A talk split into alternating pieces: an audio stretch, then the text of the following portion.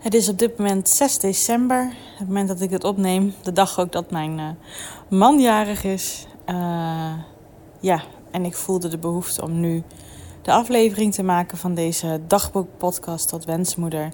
Uh, omdat de afgelopen twee dagen, nou ja, afgelopen maandag, dus eergisteren, heb ik, ja, ben ik het HSG-onderzoek ondergaan, de baarmoederfoto. En gisteren hebben wij ook de uitslag daarvan gekregen. En die wil ik graag uh, met je delen. Hè, misschien uh, ja, ben jij uh, op de vooravond van het HSG-onderzoek of heb je er vragen over of twijfels over. dus dan deel ik het graag met jou. weet even wel, dit is een dagboek. Dus ik deel wat het vooral met mij gedaan heeft, wat voor effect het op mij heeft. En dat heeft ook heel veel te, te maken met mij. Dat betekent niet dat het voor jou zo ook hoeft te zijn of dat het minder pijn of meer pijn doet, dat weet je natuurlijk nooit. Want dat is wat ik als eerste op in wil gaan. Hoe afgelopen maandag het HSG-onderzoek was, hoe je het wil noemen, de baarmoederfoto. Uh, um, uh, er zijn meerdere woorden voor, geloof ik. Um, uh, ik heb natuurlijk zelf ook best veel onderzoek van tevoren over gedaan. En ik las gewoon hele wisselende um, ervaringen en verhalen van mensen. Dus ik kan alleen die van mij doen. Nou, ik was er echt heel erg gespannen voor ik weet nog toen ik dat gesprek had gehad uh, met de fertiliteitsarts over dat onderzoek. Toen ik nog niet de keuze had gemaakt ervoor. Omdat ik aangaf dat ik het echt heel spannend vond. Dat ze ook zo tussen neus en lippen door een beetje benoemde. Nou, neem dan gewoon een oxazepam uh, in van tevoren. Dus dan dacht ik, weet je, ik doe dat gewoon. Ik ga dat gewoon doen. Um, dat kan je natuurlijk niet uh, zo bij de drogisterij halen. Dus ik heb iemand gevraagd uh, die, waarvan ik dacht dat diegene dat had. Uiteindelijk bleek dat het dus niet het geval te zijn. Uh, ik heb ook mijn schoonzus nog even geïnformeerd. En die gaf in ieder geval aan um, hè, dat het slim is om in ieder geval paracetamol uh, te nemen. En um, even kijken, dat ik het, als je dit wil weten, dat ik het even goed opzoek. Uh, ja, dus paracetamol, er twee van innemen en van... Um, ik had het net opgezocht, dan ben ik nou eens weer weggeschoten. Oh ja, Aleve Feminax. Uh, en daar zit uh, naproxen in.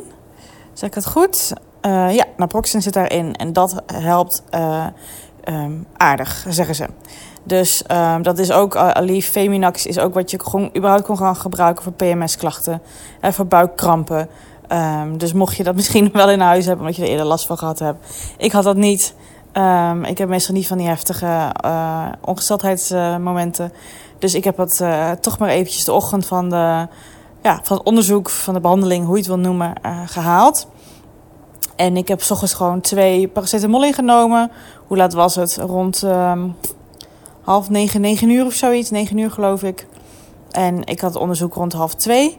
Um, en toen heb ik rond half één, geloof ik, nog twee paracetamol ingenomen. En dus die twee uh, van Feminax. Um, ja, ik, ik vond het gewoon echt heel erg spannend ik heb die ochtend nog wel lekker kunnen werken. Omdat ik echt dacht van ja, ik laat altijd die spanning er helemaal zijn. Maar nu uh, ja, vond ik het heerlijk om gewoon even afleiding te hebben. Ik kon me er goed op focussen.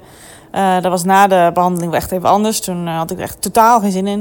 Ik heb dus even een extra thuiswerkdag ingelast. Dus bijna het ziekenhuis. Mijn man ging mee. Dat uh, moest van mij. Dat wilde ik heel graag. We doen het natuurlijk ook gewoon samen. Het is samen een wens. Ook al gebeurde natuurlijk wel veel in mijn lijf. Um, ja, vind ik het belangrijk dat hij natuurlijk meegaat. En dat vond hij ook helemaal goed. En hij wist dat ik het super spannend vond. Um, dus wij daarheen. Nou ja, uiteraard loopt het uit. Dus ik dacht, uh, zit ik wel goed? Zit ik niet verkeerd? Maar je moet bij de röntgenafdeling zijn bij ons. Uh, um, en um, uiteindelijk werd daar... Uh, dus hebben bij ons ziekenhuis twee fertiliteitsartsen. En die andere die doet het dus op de maandag, die ik normaal niet heb. Ik heb er totaal geen probleem mee dat er, dat er een onbekend gezicht voor me stond. Want ik was alleen maar bezig met wat er straks ging gebeuren. Hoeveel pijn dat wel niet ging doen. Dat ik probeerde te ontspannen daarin. Oh, nou, ik zat nog echt een beetje op de laatste dag ook van mijn ongesteldheid. Dus dat is bij mij echt een beetje na... Ja, lekker verhaal, maar dat is een beetje napruttelen. Dus heb ik nog een klein beetje oud bloed en nog een beetje normaal bloed. Uh, maar dat maakt ook niet uit. Dat is niet erg. Um, het is natuurlijk niet de bedoeling dat je helemaal vol ongesteld bent. Daarom willen ze dat denk ik ook niet. Dat je dat uh, onderzoek gaat doen. Want ze heeft ook even nog eens wat schoongemaakt. Zodat ze goed zicht had. Nou, ze deed het ontzettend geduldig en aardig en prettig en rustig. Dus eerst, uh, je moet je onderkleding natuurlijk helemaal uitdoen. Ik heb gewoon mijn sokjes aangehouden hoor, want het is natuurlijk hartstikke... Ik heb snel koude pootjes. dus ik ging eerst even, zei ze, ga maar even zitten op de rand van, uh, van ja, de onderzoekstafel, zeg maar. Toen heeft ze alle instrumenten laten zien. Ze heeft gezegd, nou, dit, dit wordt bij jou naar binnen gebracht. Dat ga ik tegen jouw baarmoeder, uh, als ik het goed allemaal zeg, baarmoedermond zetten zodat het afgesloten is. Um, en ze later, dat had ze niet verteld, maar later zetten ze ook nog een, een klemmetje ergens binnen rond de baarmoedermond, geloof ik, erop. Um, ja, dus heeft het laten zien. Nou, ik zag gewoon een, een, een stalen uh, ja, uh, buis. Zo voelt het echt wel een beetje. Gewoon dat uh, ijzeren buis, ik weet niet hoe ik het moet noemen. Met een soort van een, een kegeltje erop. Um, en toen zei ze, nou, dan doe ik dat. Dan gaat dan dus inderdaad een, um, een, een buisje erheen. En daar wordt dus dan de olie doorheen gespoten. En het is de bedoeling dat dat dus door je eileiders gaat. Dat het ook dus in je eileiders, door je eileiders, eileiders gaat. En dat het dan dus ook vlokkerig op het scherm te zien is. Want we kunnen gewoon meekijken in je darmen. En dan uh, ja, betekent dat dat ze dus helemaal open zijn. En uh, dat ze even lekker doorgespoten zijn. Um, en ze, wat ik al wist, ze zei dat dat, dat, dat afsluiten van de baarmoeder uh, mond. En, en dat doorspuiten van die eileiders, of, of, of dat olietje zeg maar, in je lijf spuiten, dat dat de twee dingen zijn die ja, krampen kunnen veroorzaken. Nou goed, dus nou, ik liggen, hand van mijn man vastgepakt. Ehm, ik probeer zoveel mogelijk te ontspannen.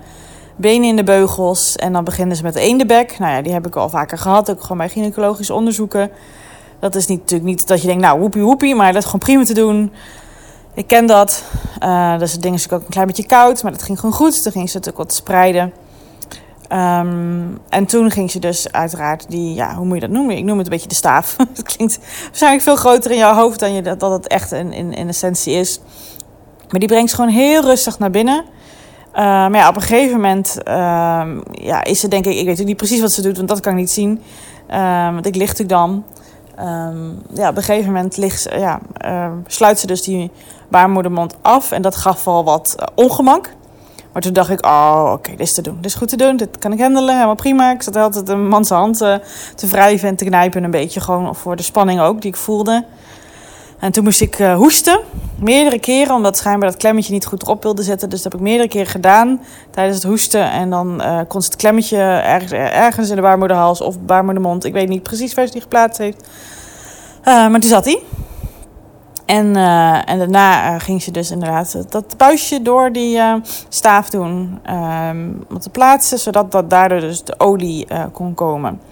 Nou, ze heeft ook gezegd wanneer ze dat ging doen. Um, ja, dat, dat was het minder leuke gedeelte, laten we het even zo zeggen. Um, ik wil je in ieder geval al benoemen dat het, ja, het was absoluut niet prettig. Het was een soort krampend, druk, drukkend, gevoelig gevoel. Wat ik um, ja, in, in ja, rondom je baarmoeder, je buik, zeg maar, voelt. Um, maar het was te doen. En dat zegt iemand die uh, ja, best gevoelig is ingesteld. Ik denk dat ik aardig goed ontspannen was, ook al vond ik het, ook al vond ik het spannend. Ik denk dat ik niet stijf stond van de zenuwen qua dat ik helemaal gespannen was of krampachtig was. Dat had ik dus niet. Ik, ik dacht, ik, ik stond erachter. Ik, ik heb, we hebben een bewuste keuze in gemaakt. Alle vezels aan mijn lijf zeiden, dit, voelt goed, het is goed om te doen. Is er een goede keuze over gemaakt. Uh, we hebben er even onze tijd voor genomen. Um, dus dat, dat merkte ik ook aan alles, dat ik er gewoon echt open voor stond en dat ik het deed. Maar goed, wat ik altijd doe als ik dan pijn heb, is dan, uh, ja, dan, dan sluit ik me af. Dus uh, ik ben niet gaan knijpen in mijn man's hand. Wat ik had verwacht dat ik misschien ging doen, maar dat was ik even vergeten. Dus ik deed gewoon mijn ogen dicht en ik ben uh, ja, een, beetje, een beetje half gaan kreunen. Omdat het gewoon echt geen prettig gevoel was. Had ook van tevoren gezegd, als het te pijnlijk is, als we moeten stoppen, geef het aan. Ze zegt, maar ja, we moeten ergens ook door. en ik denk ook eenmaal, als die olie natuurlijk erin gespoten wordt, dan kan ze misschien even stoppen met de volgende olie. Maar eigenlijk is dat gevoel er dan al, want het zit in je lijf. Um, dus ik heb stukjes mee kunnen kijken, zeg maar, wat er gebeurde op het scherm. Want dat kan je natuurlijk heel goed zien. Ze legt ook uit wat je precies ziet van tevoren. Uh, hè, want uh, dat had ik niet gezegd trouwens. Maar zodra dus die staaf erin zit met dat buisje, dan gaan ze, omdat het natuurlijk de röntgenafdeling is, dan gaan ze natuurlijk de, ja, de, de, de instrumenten, de foto's, de, apparaat, zeg maar, helemaal um, boven mijn buik brengen. Um, En, uh, en de, tafel ging omhoog, zodat het voor haar natuurlijk een prettige werkhouding was. En dan kon ik dus ook meekijken op het scherm. Dus een man die, die had mijn hand vast, maar die keek natuurlijk ook mee op het scherm. Maar ja, ik heb een gedeelte gemist, omdat ik dus uh, mijn oogjes dicht had. Goed, dus dat is even... Als jij erover twijfelt of de vooravond staat of whatever. Dat was in ieder geval mijn ervaring. Dat ik... Um, ja, ik vond dat uh, afsluiten van de baarmoedermond, zeg maar, dat, dat was ja, niet een heel leuk gevoel. Maar toen dacht ik echt, oké, ja, het is goed te doen. Dat was even irritant, maar is goed te doen. Maar inderdaad, dat stukje van die vloeistof, dat, dat, uh, dat bouwt zich ook een klein beetje op. Dat gevoel, want natuurlijk steeds meer vloeistof in je, door de eileiders zeg maar, gaat. Um, in de eileiders gaat. Uh, en dat, op een gegeven moment dacht ik wel, oh, als het nou meer wordt, dan weet ik het eventjes niet meer. En dat heb ik ook wel vaker gelezen op de fora allemaal. Dat was het hoogtepunt, zeg maar ook. Dus daarna werd het ook ietsje minder. En die vrouw die zei ook al van het is nu achter de rug. ik zei ook gelijk, ja, maar als het nodig is, als het nog een keer moet, doe het. Want ik denk, ik lig nu hier met alle instrumenten er, die er zijn. Als het nog een keer moet, ik weet nu wat het is, dat kan ik handelen. Ik denk, ik wil hier zoveel mogelijk alles uithalen, zodat we de juiste resultaten hebben. Ze zei, nee hoor, dat hoeft niet. Oh ja, natuurlijk. En toen de, de staaf was ingebracht, heeft natuurlijk ook de ene bek er weer uitgehaald. Dus dan kon ik gewoon plat liggen op de bank. Even ter volledigheid voor het verhaal. Nou ja, en dan, we konden natuurlijk meekijken. Dus wat ik wel zag en wat ze ook vertelde, wat er te zien was, is dat je dus de olie zo naar boven zag gaan, die eileiders in. En dat het um, ja, bovenaan de eileiders, zeg maar, dat het daar zich ophoopte. Dus ik had ook al gelezen, het gebeurt wel eens vaker dat misschien de olie niet door de eileiders gaat en niet de buik ingaat, dat je daar vlokkerig wat ziet. Dat hoor je normaal te zien. Um, bij mij hoopt het zich dus op aan het einde van de eileiders. Um, maar ja, ik had gelezen, soms doen ze daarna, daarna, nog een uurtje later of zo nog een foto om te kijken wat dan de stand van zaken is. Dus toen ze dat voorstelden, dacht ik ook, ja prima, heb ik gelezen, helemaal goed. Ik voelde me niet ongerust, ik vond het allemaal prima. Uh, dus toen zei ze ook van, nou, ik kan je nu gewoon helemaal gaan aankleden. Ze had alles eruit gehaald uit mijn lijf. uh, ik kon me gewoon aankleden, dan krijg je een maandverbandje. Want daarna uh, loopt die olie soms ook, hè, die moet natuurlijk weer uit. Dus die loopt dan ook weer weg. Dus ik was hem zelf vergeten mee te nemen. Dus ik kreeg er ook eentje. Dat was wel fijn, je kan je even opfrissen. Wij moesten een half uurtje later even die foto maken. Dus we hebben ook even geluncht, want dat hadden we nog niet gedaan. En daarna moest ik gewoon in op een hele andere... Um, ja, eh, behandelkamer zeg maar, van de röntgen door helemaal iemand anders. Uh, kon ik gewoon schoenen aanhouden, alles. Ik hoefde alleen mijn broek een beetje naar beneden te doen. Werd er een foto gemaakt. En uh, uh, ja, ik heb toen niet mee kunnen kijken, omdat het achter een hokje zat. En ja, Basti moest toen, die mee, toen hij mee was in de... waar, wanneer de baarmoederfoto gemaakt werd, de HSG... toen had hij ook een lode schort aan en daarom mocht hij er ook bij blijven, omdat hij dat aan had ter bescherming van zichzelf. Maar hierbij, ja, werd er bij mij die foto gemaakt. Um, en, en dat die mevrouw die dat deed, ging dan achter een hokje zitten, zeg maar. Dus dat was echt met, met een minuut gebeurd. En toen kon ik weer naar buiten. En toen zeiden ze, nou, die vrouw die zei... op dinsdag hebben we al het overleg met de andere fertiliteitsarts. Gewoon het hele fertiliteitsteam. Dan bespreken we de foto's, uh, zodat ze met je meerdere mensen naar gekeken hebben... zodat er ook uh, uitsluitsel en conclusie en advies uitgebracht kan worden... Dus ik was echt heel blij dat ik denk, oké, morgenmiddag word ik gebeld.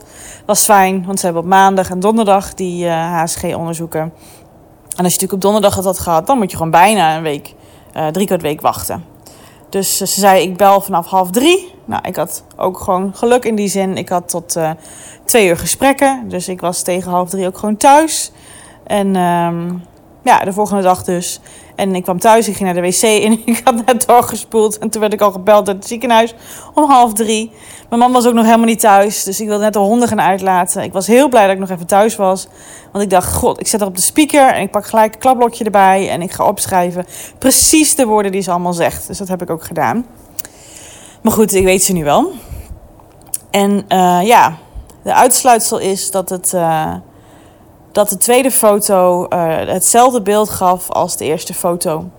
Dus dat de olie wel in de eileiders ging, maar niet ja, door de eileiders. Het hoopte zich op, dat noemen ze pockets, geloof ik, in de eileiders. Het ging dus niet de buik, buikwand in.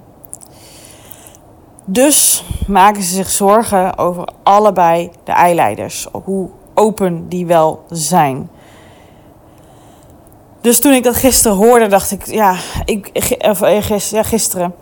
Ik, ik heb gisteren zat ik nog heel erg ook in, in de, ehm, ja, de hele rationele tour. Ik was heel erg bezig met, oké, ik moet goed horen wat ze zegt. Ik schrijf op wat ze zegt. Ik moet het over kunnen brengen aan Bas. Um, het drong wel echt wel tot me door. Maar niet helemaal. Ik kon het horen, ik begreep het, ik snapte de conclusies, ik snapte de verbanden. Ze deed ook nog een aantal ja, uitleggen en voorstellen die ik ook nog met je deel. Um, maar het is pas echt gisteravond en vandaag echt binnengekomen. Dus ook emotioneel gezien. Uh, want het betekent natuurlijk, als ze zich zorgen maken om beide eileiders, dan kan het dus echt heel goed zijn dat ze gewoon allebei dicht zijn. En dat de kansen op een natuurlijke zwangerschap dus gewoon nihil is. Dus dat is ook wat ze voorgesteld hebben. Ze zeiden, ja, we weten nu al wat. We weten dus nu dat de, door, de doorloop in jouw eileiders um, niet zo lekker loopt. Dat zijn niet haar woorden, maar zo interpreteer ik het. Um, dus dit, dit, dit, was echt haar, zin. We maken ons echt zorgen over beide eileiders. Um, dus we willen verder onderzoek doen. We willen een kijkoperatie gaan doen. En dan weten ze natuurlijk precies wat er aan de hand is. Dus dat heeft ze gisteren benoemd. Ze zei dat is gewoon de volgende stap ja, in het proces van uh, zwanger worden. Een kijkoperatie, ja, ik ben daar niet zo gespannen voor. Ik was gewoon heel erg gespannen voor de HSG. Ik heb uh, twee jaar geleden een ooroperatie gehad. Dat was ook onder volledige narcose. De kijkoperatie is natuurlijk ook onder volledige narcose. Um, ze maken een klein sneetje bij mijn navel. Ze maken een klein sneetje, zoals zij dat noemde, bij de bikinilijn. En dan uh, daar gaat het cameraatje naar binnen. Dat ze echt precies kunnen zien wat is er aan de hand. Want ze had het maandag dus al over verklevingen. Dat er mogelijk verklevingen in, bij mijn eileiders en mijn baarmoeder zit, waardoor um, ja, de olie dus niet door kon lopen. Want als het dus helemaal open zou zijn, of ergens een opening zou zijn, zou je natuurlijk gewoon verwachten dat de olie zijn, zijn, ja, zijn uitweg wel vindt, er doorheen stroomt. En dat is dus niet het geval. Dus ze zei gewoon van, nou ja, we gaan dan kijken. Als er één eileider open is, dan is dat... We hebben er ook maar eentje nodig, zei ze ook. Dan kan het gewoon nog natuurlijk. Of misschien met inseminatie, met IUI dus. Maar als ze allebei dus dicht zijn... Ja, ik weet nog toen ze dat zei, toen, dacht ik, toen zei ik zo tegen ik zeg, dan is het zeker klaar of niet? En ik merk nu dat het nu bij me binnenkomt ook. En toen zei ik het gewoon heel rationeel, omdat ik gewoon alle informatie wilde hebben. Uh, en toen zei ze, eh, nou dan, dan kan het met IVF nog, zei ze toen. Dat waren niet haar woorden, maar zo zie ik het. Ze benoemde ieder geval IVF. Dus dat is uh, ja, wat, wat, wat er gezegd is. Dat is de uitslag van, de, van het HSG-onderzoek, de HSG-foto, whatever it calls. Baarmoederfoto. Um, dat ik blij ben dat we het gedaan hebben, want anders wisten we het niet. Maar goed, ik had ook mijn laatste cyclus ik had op een gegeven moment zo sterk het gevoel dat het gelukt was. En dat heb ik meerdere keren wel gehad tijdens die 2,5 jaar dat we al bezig zijn. Um, ik had zo sterk het gevoel dat het gelukt was. En op een gegeven moment voelde ik dat het dus niet meer gelukt was. Dus ik heb echt, ruim, ik heb echt een ruime week gevoeld eh, wat je hoort te voelen. Ik ben daar gewoon heel gevoelig voor. Ik voel die dingen. Ik was opgeblazen. Alle andere dingen die erbij horen. Ik, ik, ik merkte het gewoon. En op een gegeven moment voelde ik aan mijn lijf, nee, en nu wordt het afgebroken. En dat was ook te, te merken ook aan mijn menstruatie. Ja, was ook wat heftiger dan normaal. Daardoor weet ik ook altijd dat het het geval is. Dat is al meerdere keren gebeurd. Nog niet, nog niet eerder zo lang. Dus ja, ik denk dan ook, ik zei dat ook tegen ik zeg maar, ik heb ook echt het gevoel dat, ik kan wel, ja, de eicel en de spermacel kunnen elkaar wel vinden, maar ergens in dat proces dat er echt dus, ja, bevruchting helemaal plaatsvindt. Dat ook door de eileiders gaat en zo. Als ik het goed begrepen heb, allemaal biologisch gezien de baarmoeder in. Dat dat ergens stagneert. Zij durft natuurlijk helemaal niet te zeggen uh, wat de prognose is. Um, uh, wat het betekent. Dat, uh, ze wil gewoon, daarom willen ze die kijkoperatie doen. En dat doen ze natuurlijk gewoon met de reden, omdat ze denk ik gewoon serieus. Ja, dat, dat is mijn interpretatie. Denken dat het dus in het allebei mispoes is. Dat er dus verklevingen zijn Um, waardoor mijn eileiders dus afgesloten zijn. En waardoor er dus gewoon geen natuurlijke zwangerschap plaats kan vinden. Dus ja, weet je, eerder dacht ik gewoon dat het proces zou zijn. Oké, die HSG kan een hobbel zijn. Als je dan je eileiders hebt laten doorspuiten, wat mij dus niet gelukt is, want het is niet doorgespoten, het is niet doorgelopen. Dan heb je nog kans dat het, omdat het even lekker opgeschoond is, heb je nog kans dat het spontaan nog lukt, omdat de percentages echt 10% hoger zijn, zag ik. Uh, van mensen die daarna dus nog zwanger worden naast een controlegroep. Dus ik dacht, nou, dan kijken we dat dus nog even drie, vier maanden aan. En dan kunnen we altijd nog starten met IUI. En als dat al helemaal niet lukt, na zoveel maanden proberen, kunnen we altijd nog nadenken over IVF. Maar dat is dan pas over, weet ik veel, een jaar of zo. En het lijkt dus nu.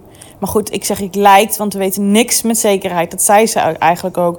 We weten eigenlijk nog steeds niet echt iets, zegt ze. We weten alleen dat het niet goed doorloopt daar in die eileiders. Maar ik denk echt bij mezelf, van mij weet je het wel donders goed. Maar ze wil natuurlijk zeker weten. Uh, ja, het lijkt er dus eigenlijk nu op dat... Pff, jongetjes, dat... dat uh, ja, dat, dat als wij het nog willen, en dat willen we ook gewoon nog, dat waarschijnlijk IVF dus gewoon de mogelijkheid is. Natuurlijk ook nog andere opties. Um, maar ja, als je het nog met de spermacel en eicel van ons zeg maar samen wil doen, is dat de uh, optie nu. Maar goed, hoe gaat dat dan? Dan hoor je, dan willen ze natuurlijk eerst, want dat is natuurlijk net weer iemand anders. Dat doet een fertiliteitsgynaecoloog. Doet dat, dus gynaecologen doen dat, die kijkoperatie. Er zijn er twee die de fertiliteitsstukjes uh, operaties doen. Bij een van die twee wordt, wordt, mogen we dan op gesprek. Uh, en dat in gesprek worden eerst wat dingen doorgenomen en bevraagd of whatever. Ik weet niet eens wat. Ja, en daarna word je pas op de lijst gezet voor die kijkoperatie. Dat is natuurlijk ook niet gelijk de week erop. Dus ik, ja, zo ben ik. Ik ben gelijk van het doorpakken. Ik zeg, ja, maar dit, dit, dit klinkt toch ook gewoon als wat we moeten doen. Zij heeft ook uitgelegd een beetje hoe die kijkoperatie allemaal gaat. Um, ik denk, zet me gewoon verdorie op die lijst van de kijkoperatie. En dan kunnen we tussendoor ook gelijk het gesprek inplannen. Want dat wordt hem toch wel, weet je wel. Toen zei ze, nee, zo werkt dat niet. Er moeten echt een aantal dingen besproken worden nog daarvoor. Dat is gewoon protocol natuurlijk. Maar ik denk dan ook echt, jongens... Wat dan? Je hebt me al heel veel informatie gegeven. Oh, ik merk gewoon bij mezelf dat ik gewoon heel veel moeite ermee heb. Dat het nu volledig uit ons handen gaat. Wanneer alles gaat gebeuren. Weet je, zij ja, vertragen het proces, dat weet ik niet. Maar het is meer gewoon dat je nu heel afhankelijk bent van een ander, van, van, van hun, van hun agenda. En omdat de feestdagen eraan komen, mevrouw, is het nou wat lastiger plannen. Dat ik denk, ja, je schiet van eind op met die feestdagen. Kom op, man, we zijn hier al 2,5 jaar mee bezig. Ja, en dan kan jij misschien denken als luisteraar, ik heb echt geen idee. Judith, je had dit veel eerder moeten doen. Waarom hebben jullie zo lang hiermee gewacht? Dat is helemaal prima als je dat denkt, maar voor wij waren er nog niet klaar voor. En het voelt nu goed om dit nu te doen. Het hele proces waar we doorheen zijn gekomen, heeft ons ook echt enorm veel gebracht.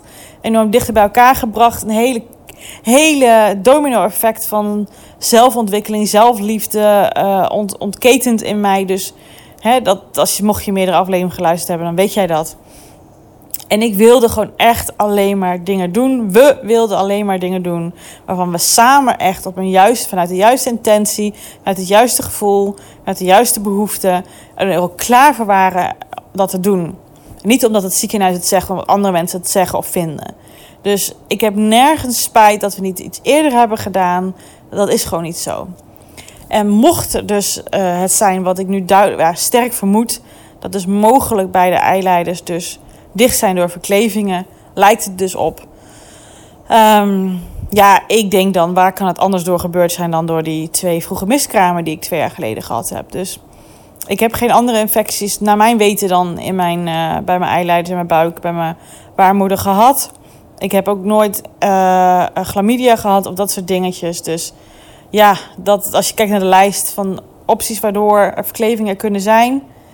Daarnaast hoor je ook dingen over endometriose. Nou, tot op heden tik ik niet al die boxes, zeg maar. Maar er zijn wel, ja, ik heb natuurlijk toen ik die foto had gehad maandag en ik het woord verklevingen hoorde, ben ik natuurlijk wel even gaan googelen. Gewoon even om te zien wat zijn de kansen, wat zijn de mogelijkheden dan. Um, en daarna kon ik het gewoon wel weer loslaten. Uh, toen we dus gisteren dat, dat te horen hebben gekregen, dat belletje kregen.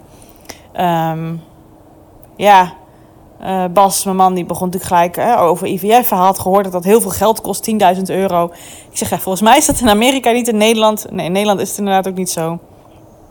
Um, Maar het, het is best wel een klap, merk ik. Ik vind het, het, is nog steeds niet 100% ingedaald. Maar joh, ik weet het nog, uh, nu nog maar 24 uur nog niet eens. Um, ja, ik zat gisteren ook nog dat ik nog allerlei dingen wilde doen voor mijn werk.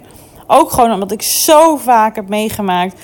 Elke keer is bij een cyclus dat ik me niet lekker voel, dat ik moe ben. Dat ik, niet meer, ja, dat ik denk dat het zover is. En dat ik, ik, ik was ook hartstikke moe vorige cyclus. Omdat ik echt ook dacht, nou het is raak. Maar goed, het zat er dus weer niet door. Dus mijn lijf, het vraagt gewoon veel van mijn lijf. En dan heel vaak eh, doe ik dan alleen het hoognodige voor mijn werk. En laat ik de rest gewoon even op een, voor een andere dag. En gisteren had ik echt zoiets van: nee, ik wil gewoon heel graag uh, ja, mijn podcast maken die ik heb vanuit mijn uh, werk als loopbaancoach. Uh, en nog een reel bewerken en zo. En ik merkte bij Bas, daar kwam het al binnen. Hij, hij, was, ja, hij was geëmotioneerd, niet qua huilen zoals hij dat dan minder snel laat zien. Maar hij was geërgerd, hij was een beetje boos, hij was heel onrustig. Hij had echt een beetje te katten. Hij was, ja, je merkte bij hem dat het nieuws binnenkwam. En ik deed dat allemaal niet. Ik was heel rationeel. En ik gaf alle ruimte, maar pas toen ik eigenlijk echt exact het moment dat ik mijn laptop dicht deed, dat ik me de reel gemaakt heb, mijn podcast geüpload heb, alle teksten bij bedacht, alles klaar heb staan. En dan denk jij misschien, Judith, waar zijn je prioriteiten? Maar ik had echt zoiets van, ik ga dit eerst even afmaken. En toen deed ik het dicht en toen ging ik even op de bank liggen en toen dacht ik echt, what the fuck just happened? Weet je wel, wat heb ik nou precies voor nieuws gehad? Wat hebben we precies voor nieuws gehad? En ja, toen kwam het al een beetje binnen en toen moest ik dan huilen. En vandaag is woensdag, dat is mijn dag dat ik altijd thuis werk. Uh, en ook een relaxmiddag heb zoals ik nu heb. En dan meestal niet werk, alleen nog als ik zin heb. En ja, ik merk gewoon dat het enorm meespeelt. Ik ben echt van de wap. Ik ging vanochtend, want mijn man is dus vandaag jarig, hem brengen bij het station. Ik ben verkeerd gereden. Ik ben aan de verkeerde kant van het station gestaan. Het boeit allemaal niet. Ik stamel soms. Eh, ik, ja, Weet je, ik, ik ben echt, maar dat is toch logisch? Ik ben gewoon echt een beetje van de wap. En dat mag. Als ik iets heb waar ik me op kan focussen, dan, dan gaat het weer even naar de achtergrond. Dus ja, morgen ga ik gewoon weer verder werken. En dan ben ik gewoon echt prima. Zo erg van de wap ben ik dan ook weer niet. Maar dan kan ik het gewoon even parkeren. Maar zoals ik ondertussen gewend ben, ook en ja, mezelf aangeleerd heb door het hele proces. Want dit kon ik twee jaar geleden nog allemaal niet. Hoe ik nu met mijn emoties omga. Maar goed, ik heb genoeg oefening gehad om met mijn emoties om te kunnen gaan. Ik laat het er gewoon zijn. Het speelt er. Ik kan geraakt worden. Ik kan huilen. Uh, ik kan het soms ook gewoon even parkeren. Omdat ik weet, nu voelt het niet goed om er aandacht aan te geven. Maar dan doe ik het gewoon daarna wel weer. Dus dat, dat voelt gewoon goed. Tranen zijn ook niet moeilijk om toe te laten. De emotie eromheen is ook niet moeilijk om toe te laten. Ik geef het echt alle aandacht nu. En dat voelt gewoon goed. Ik voel ook gewoon dat nog niet de hele klap binnengekomen is. Maar ja, dus als het klopt dat. dat um, we weten natuurlijk nog 100% niks zeker, maar daar wijst het wel op uit. Gisteravond hebben Bas en ik ook even een paar vragen gesteld, zeg maar, opgesteld. Voor het gesprek wat we dan met de fertiliteitsgynaecoloog gaan hebben. Um, ja, met de vraag van, goh, bij hoeveel mensen die dit als uitslag hadden op de foto, hè, dat het dus wel de eileiders ingingen, maar niet uitgaat. Um, is er toch nog later te zien bij de kijkoperatie dat er nog wel mogelijkheden zijn voor natuurlijke of, of, of inseminatie uh, zwangerschap. Uh, maar ja, wij denken allebei waarschijnlijk gewoon niet. Maar ja, die vrouw durft dat natuurlijk nu niet te zeggen, want je hebt natuurlijk altijd uitzonderingen. Maar waarschijnlijk, dat zegt mijn. Ja, ik zou niet weten hoe het dan anders kan. Het is toch raar als niet die olie doorheen gaat. En dat ze dan straks zeggen bij die kijkoperatie: nee hoor, mevrouw, uw eileider is gewoon picobello, helemaal open. Dat kan toch niet? Dat geloof ik gewoon niet. Dus ik denk dat dat is wat ze dan gaan aantreffen. Maar ze moeten natuurlijk zien, ja, waar zitten allemaal verklevingen? Zit het ook in de baarmoeder? Weet je, dat is ook een van de vragen die ik heb opgesteld. Zit er de problematiek vooral bij het uh, creëren van een embryo, van het echt zwanger worden? Uh, of is het ook bij het dragen van de zwangerschap? Uh, weet je, waar zitten de problemen? Daar gaan ze natuurlijk, denk ik, ze gaat ook niet alleen naar de eileiders kijken. Ze gaan helemaal rondkijken. Ga ik zo vanuit. Want een kijkoperatie is natuurlijk ook gewoon een operatie. Dus ja, het is natuurlijk heftig voor je lijf. Ook er zijn maar twee kleine sneetjes en een cameraatje die erin gaat, die waarschijnlijk heel klein is. Um, dus dat heb ik ook opgeschreven. Van ja, weet je, kunnen, kijk je er ook naar? Kun je dat ook kunnen zien? Wat, wat, wat is de schade? Wat, wat, waar zitten de hiccups? Want daar begon Bas gisteren ook over. Ja, moeten we dan misschien aan een draagmoeder denken? Ik zeg, ja, dat is alleen als ik, als ik het dus niet kan dragen. En ik heb ook een beetje uitgelegd wat ik weet, wat het verschil is tussen IUI en IVF. Ik zeg, ja, Weet je, IVF omzeilt dus gewoon dat proces wat door de eileiders normaal moet. Het is gewoon wat langer dat het in een soort van petri dish gaat, geloof ik, hè, met de sperma en de eicellen. En dat het dan gewoon in mijn, uh, hè, dat er ook eitjes uit mij gehaald worden. Dat volgens mij ook wel een soort van operatietje, dacht ik zo. Uh, of in ieder geval niet een hele prettige behandeling. Uh, want de eicellen die moeten opgewekt worden natuurlijk met hormonen. HUPA. En dat de eicellen uit mij gehaald worden, gemengd worden natuurlijk met uh, zaadcellen. En dan, volgens mij gaan ze dan even dat eerste procesje, wat dus normaal, ja, natuurlijk in je lijf gebeurt, ja, volgen in zo'n schaaltje en dan terugplaatsen. Als het dus ook wel mogelijk is voor mij om het allemaal te dragen. Dus ja, IVF is natuurlijk heel heftig. Hè? In ons ziekenhuis in ieder geval is dit de route. Eerste HSG-onderzoek. Um, mocht het gewoon allemaal lekker doorlopen, mochten ze zien de, de loop van alles door, dan wachten ze nog even drie, vier maanden. Um, ook een beetje afhankelijk van het proces en de leeftijd. Of het nog natuurlijk tot stand komt, dan kan, kan je altijd kiezen voor IUI. En je mag dan zelf bepalen hoe vaak je dat probeert. Zij hadden toen ook over drie of vier keer. En als het dan nog steeds niet lukt en je wil nog steeds verder, dan heb je um, ja, IVF. En het lijkt erop uit te komen dat um, ja, wij dat hele hoepla van IUI dus waarschijnlijk over gaan slaan.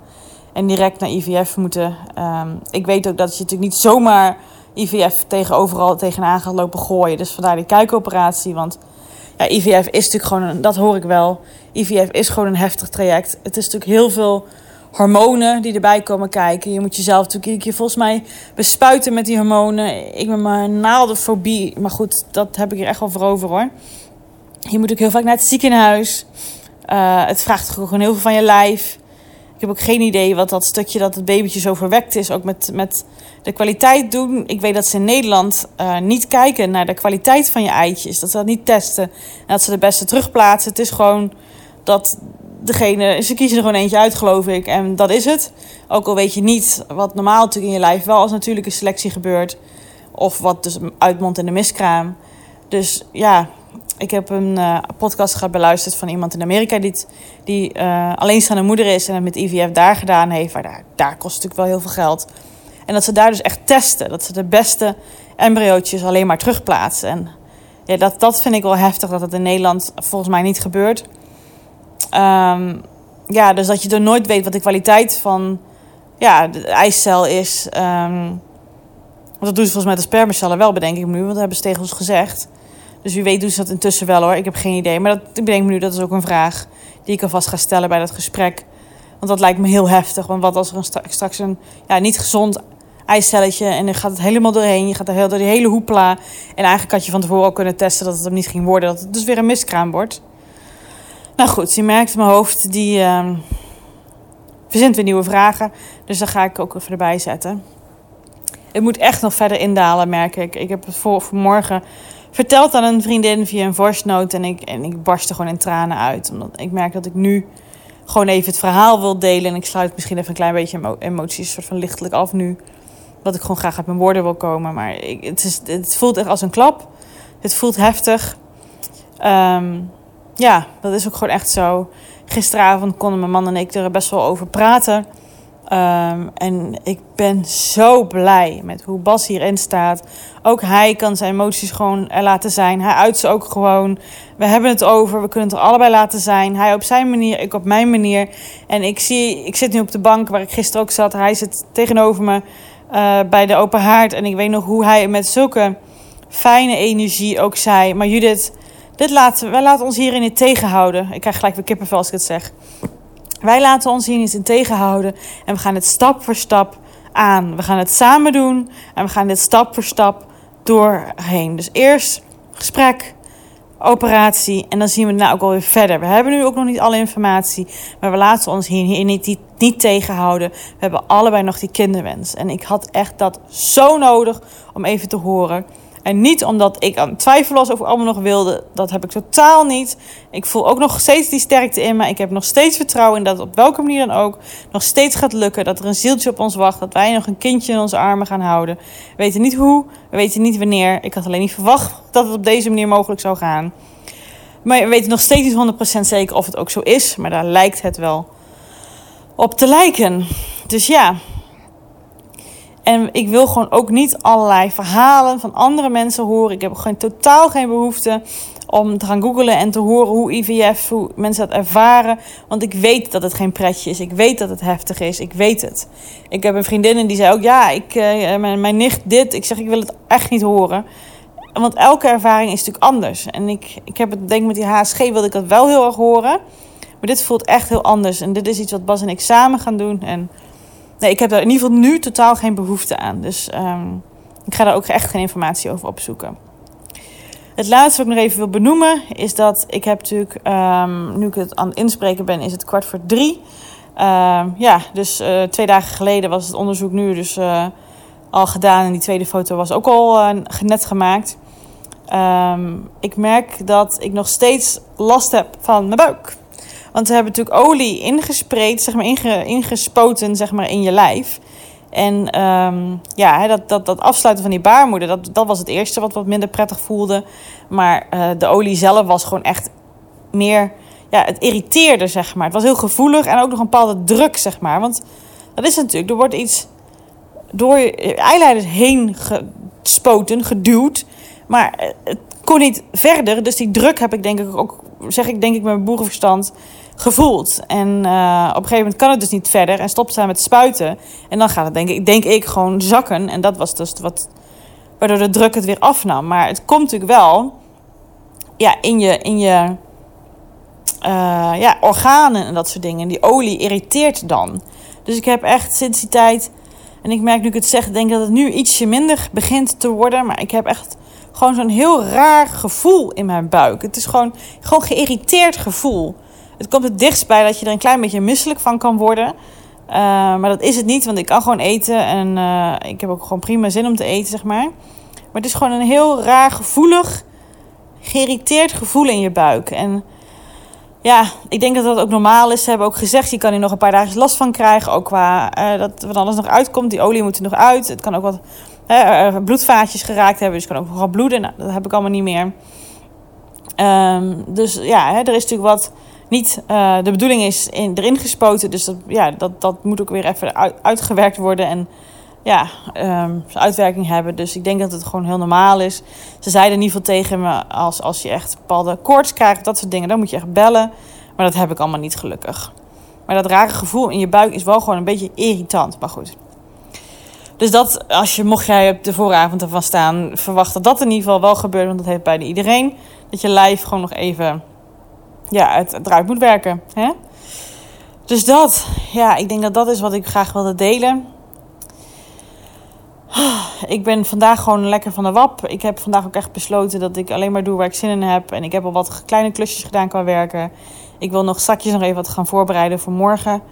Um, voor mijn gesprekken. Maar um, ja, dat voelt gewoon goed. En de rest laat ik even wat het is. Ik denk dat ik morgen weer gewoon weer wat minder van de wap waarschijnlijk ben of niet. We zien het allemaal wel. Het is er gewoon. Het is en en. En ik ga gewoon lekker door met de dingetjes die ik wil doen. Ik voel ook daar de headspace wel voor. Maar een gedeelte van de headspace en de emotionele capaciteit die ik niet heb, die gaat ook gewoon hier naartoe. Omdat ik merk dat het echt nog. Het is veel te behappen, het is veel om te verwerken. Um, maar het weerhoudt ons gewoon niet om hier verdere stappen in te maken. We hebben ook al een mailtje gehad uh, voor die afspraak. Maar goed, die is eind januari. En ik weet nog, vorig jaar rond dit tijdstip, rond deze tijd van het jaar, toen hadden we ook besloten om dan onderzoek te gaan doen van waarom is het nog niet gelukt. En toen was het ook eind januari dat we de afspraak hadden. Maar ik heb vanochtend wel gewoon even gebeld. Ik, ik had een hele fijne assistent aan de telefoon.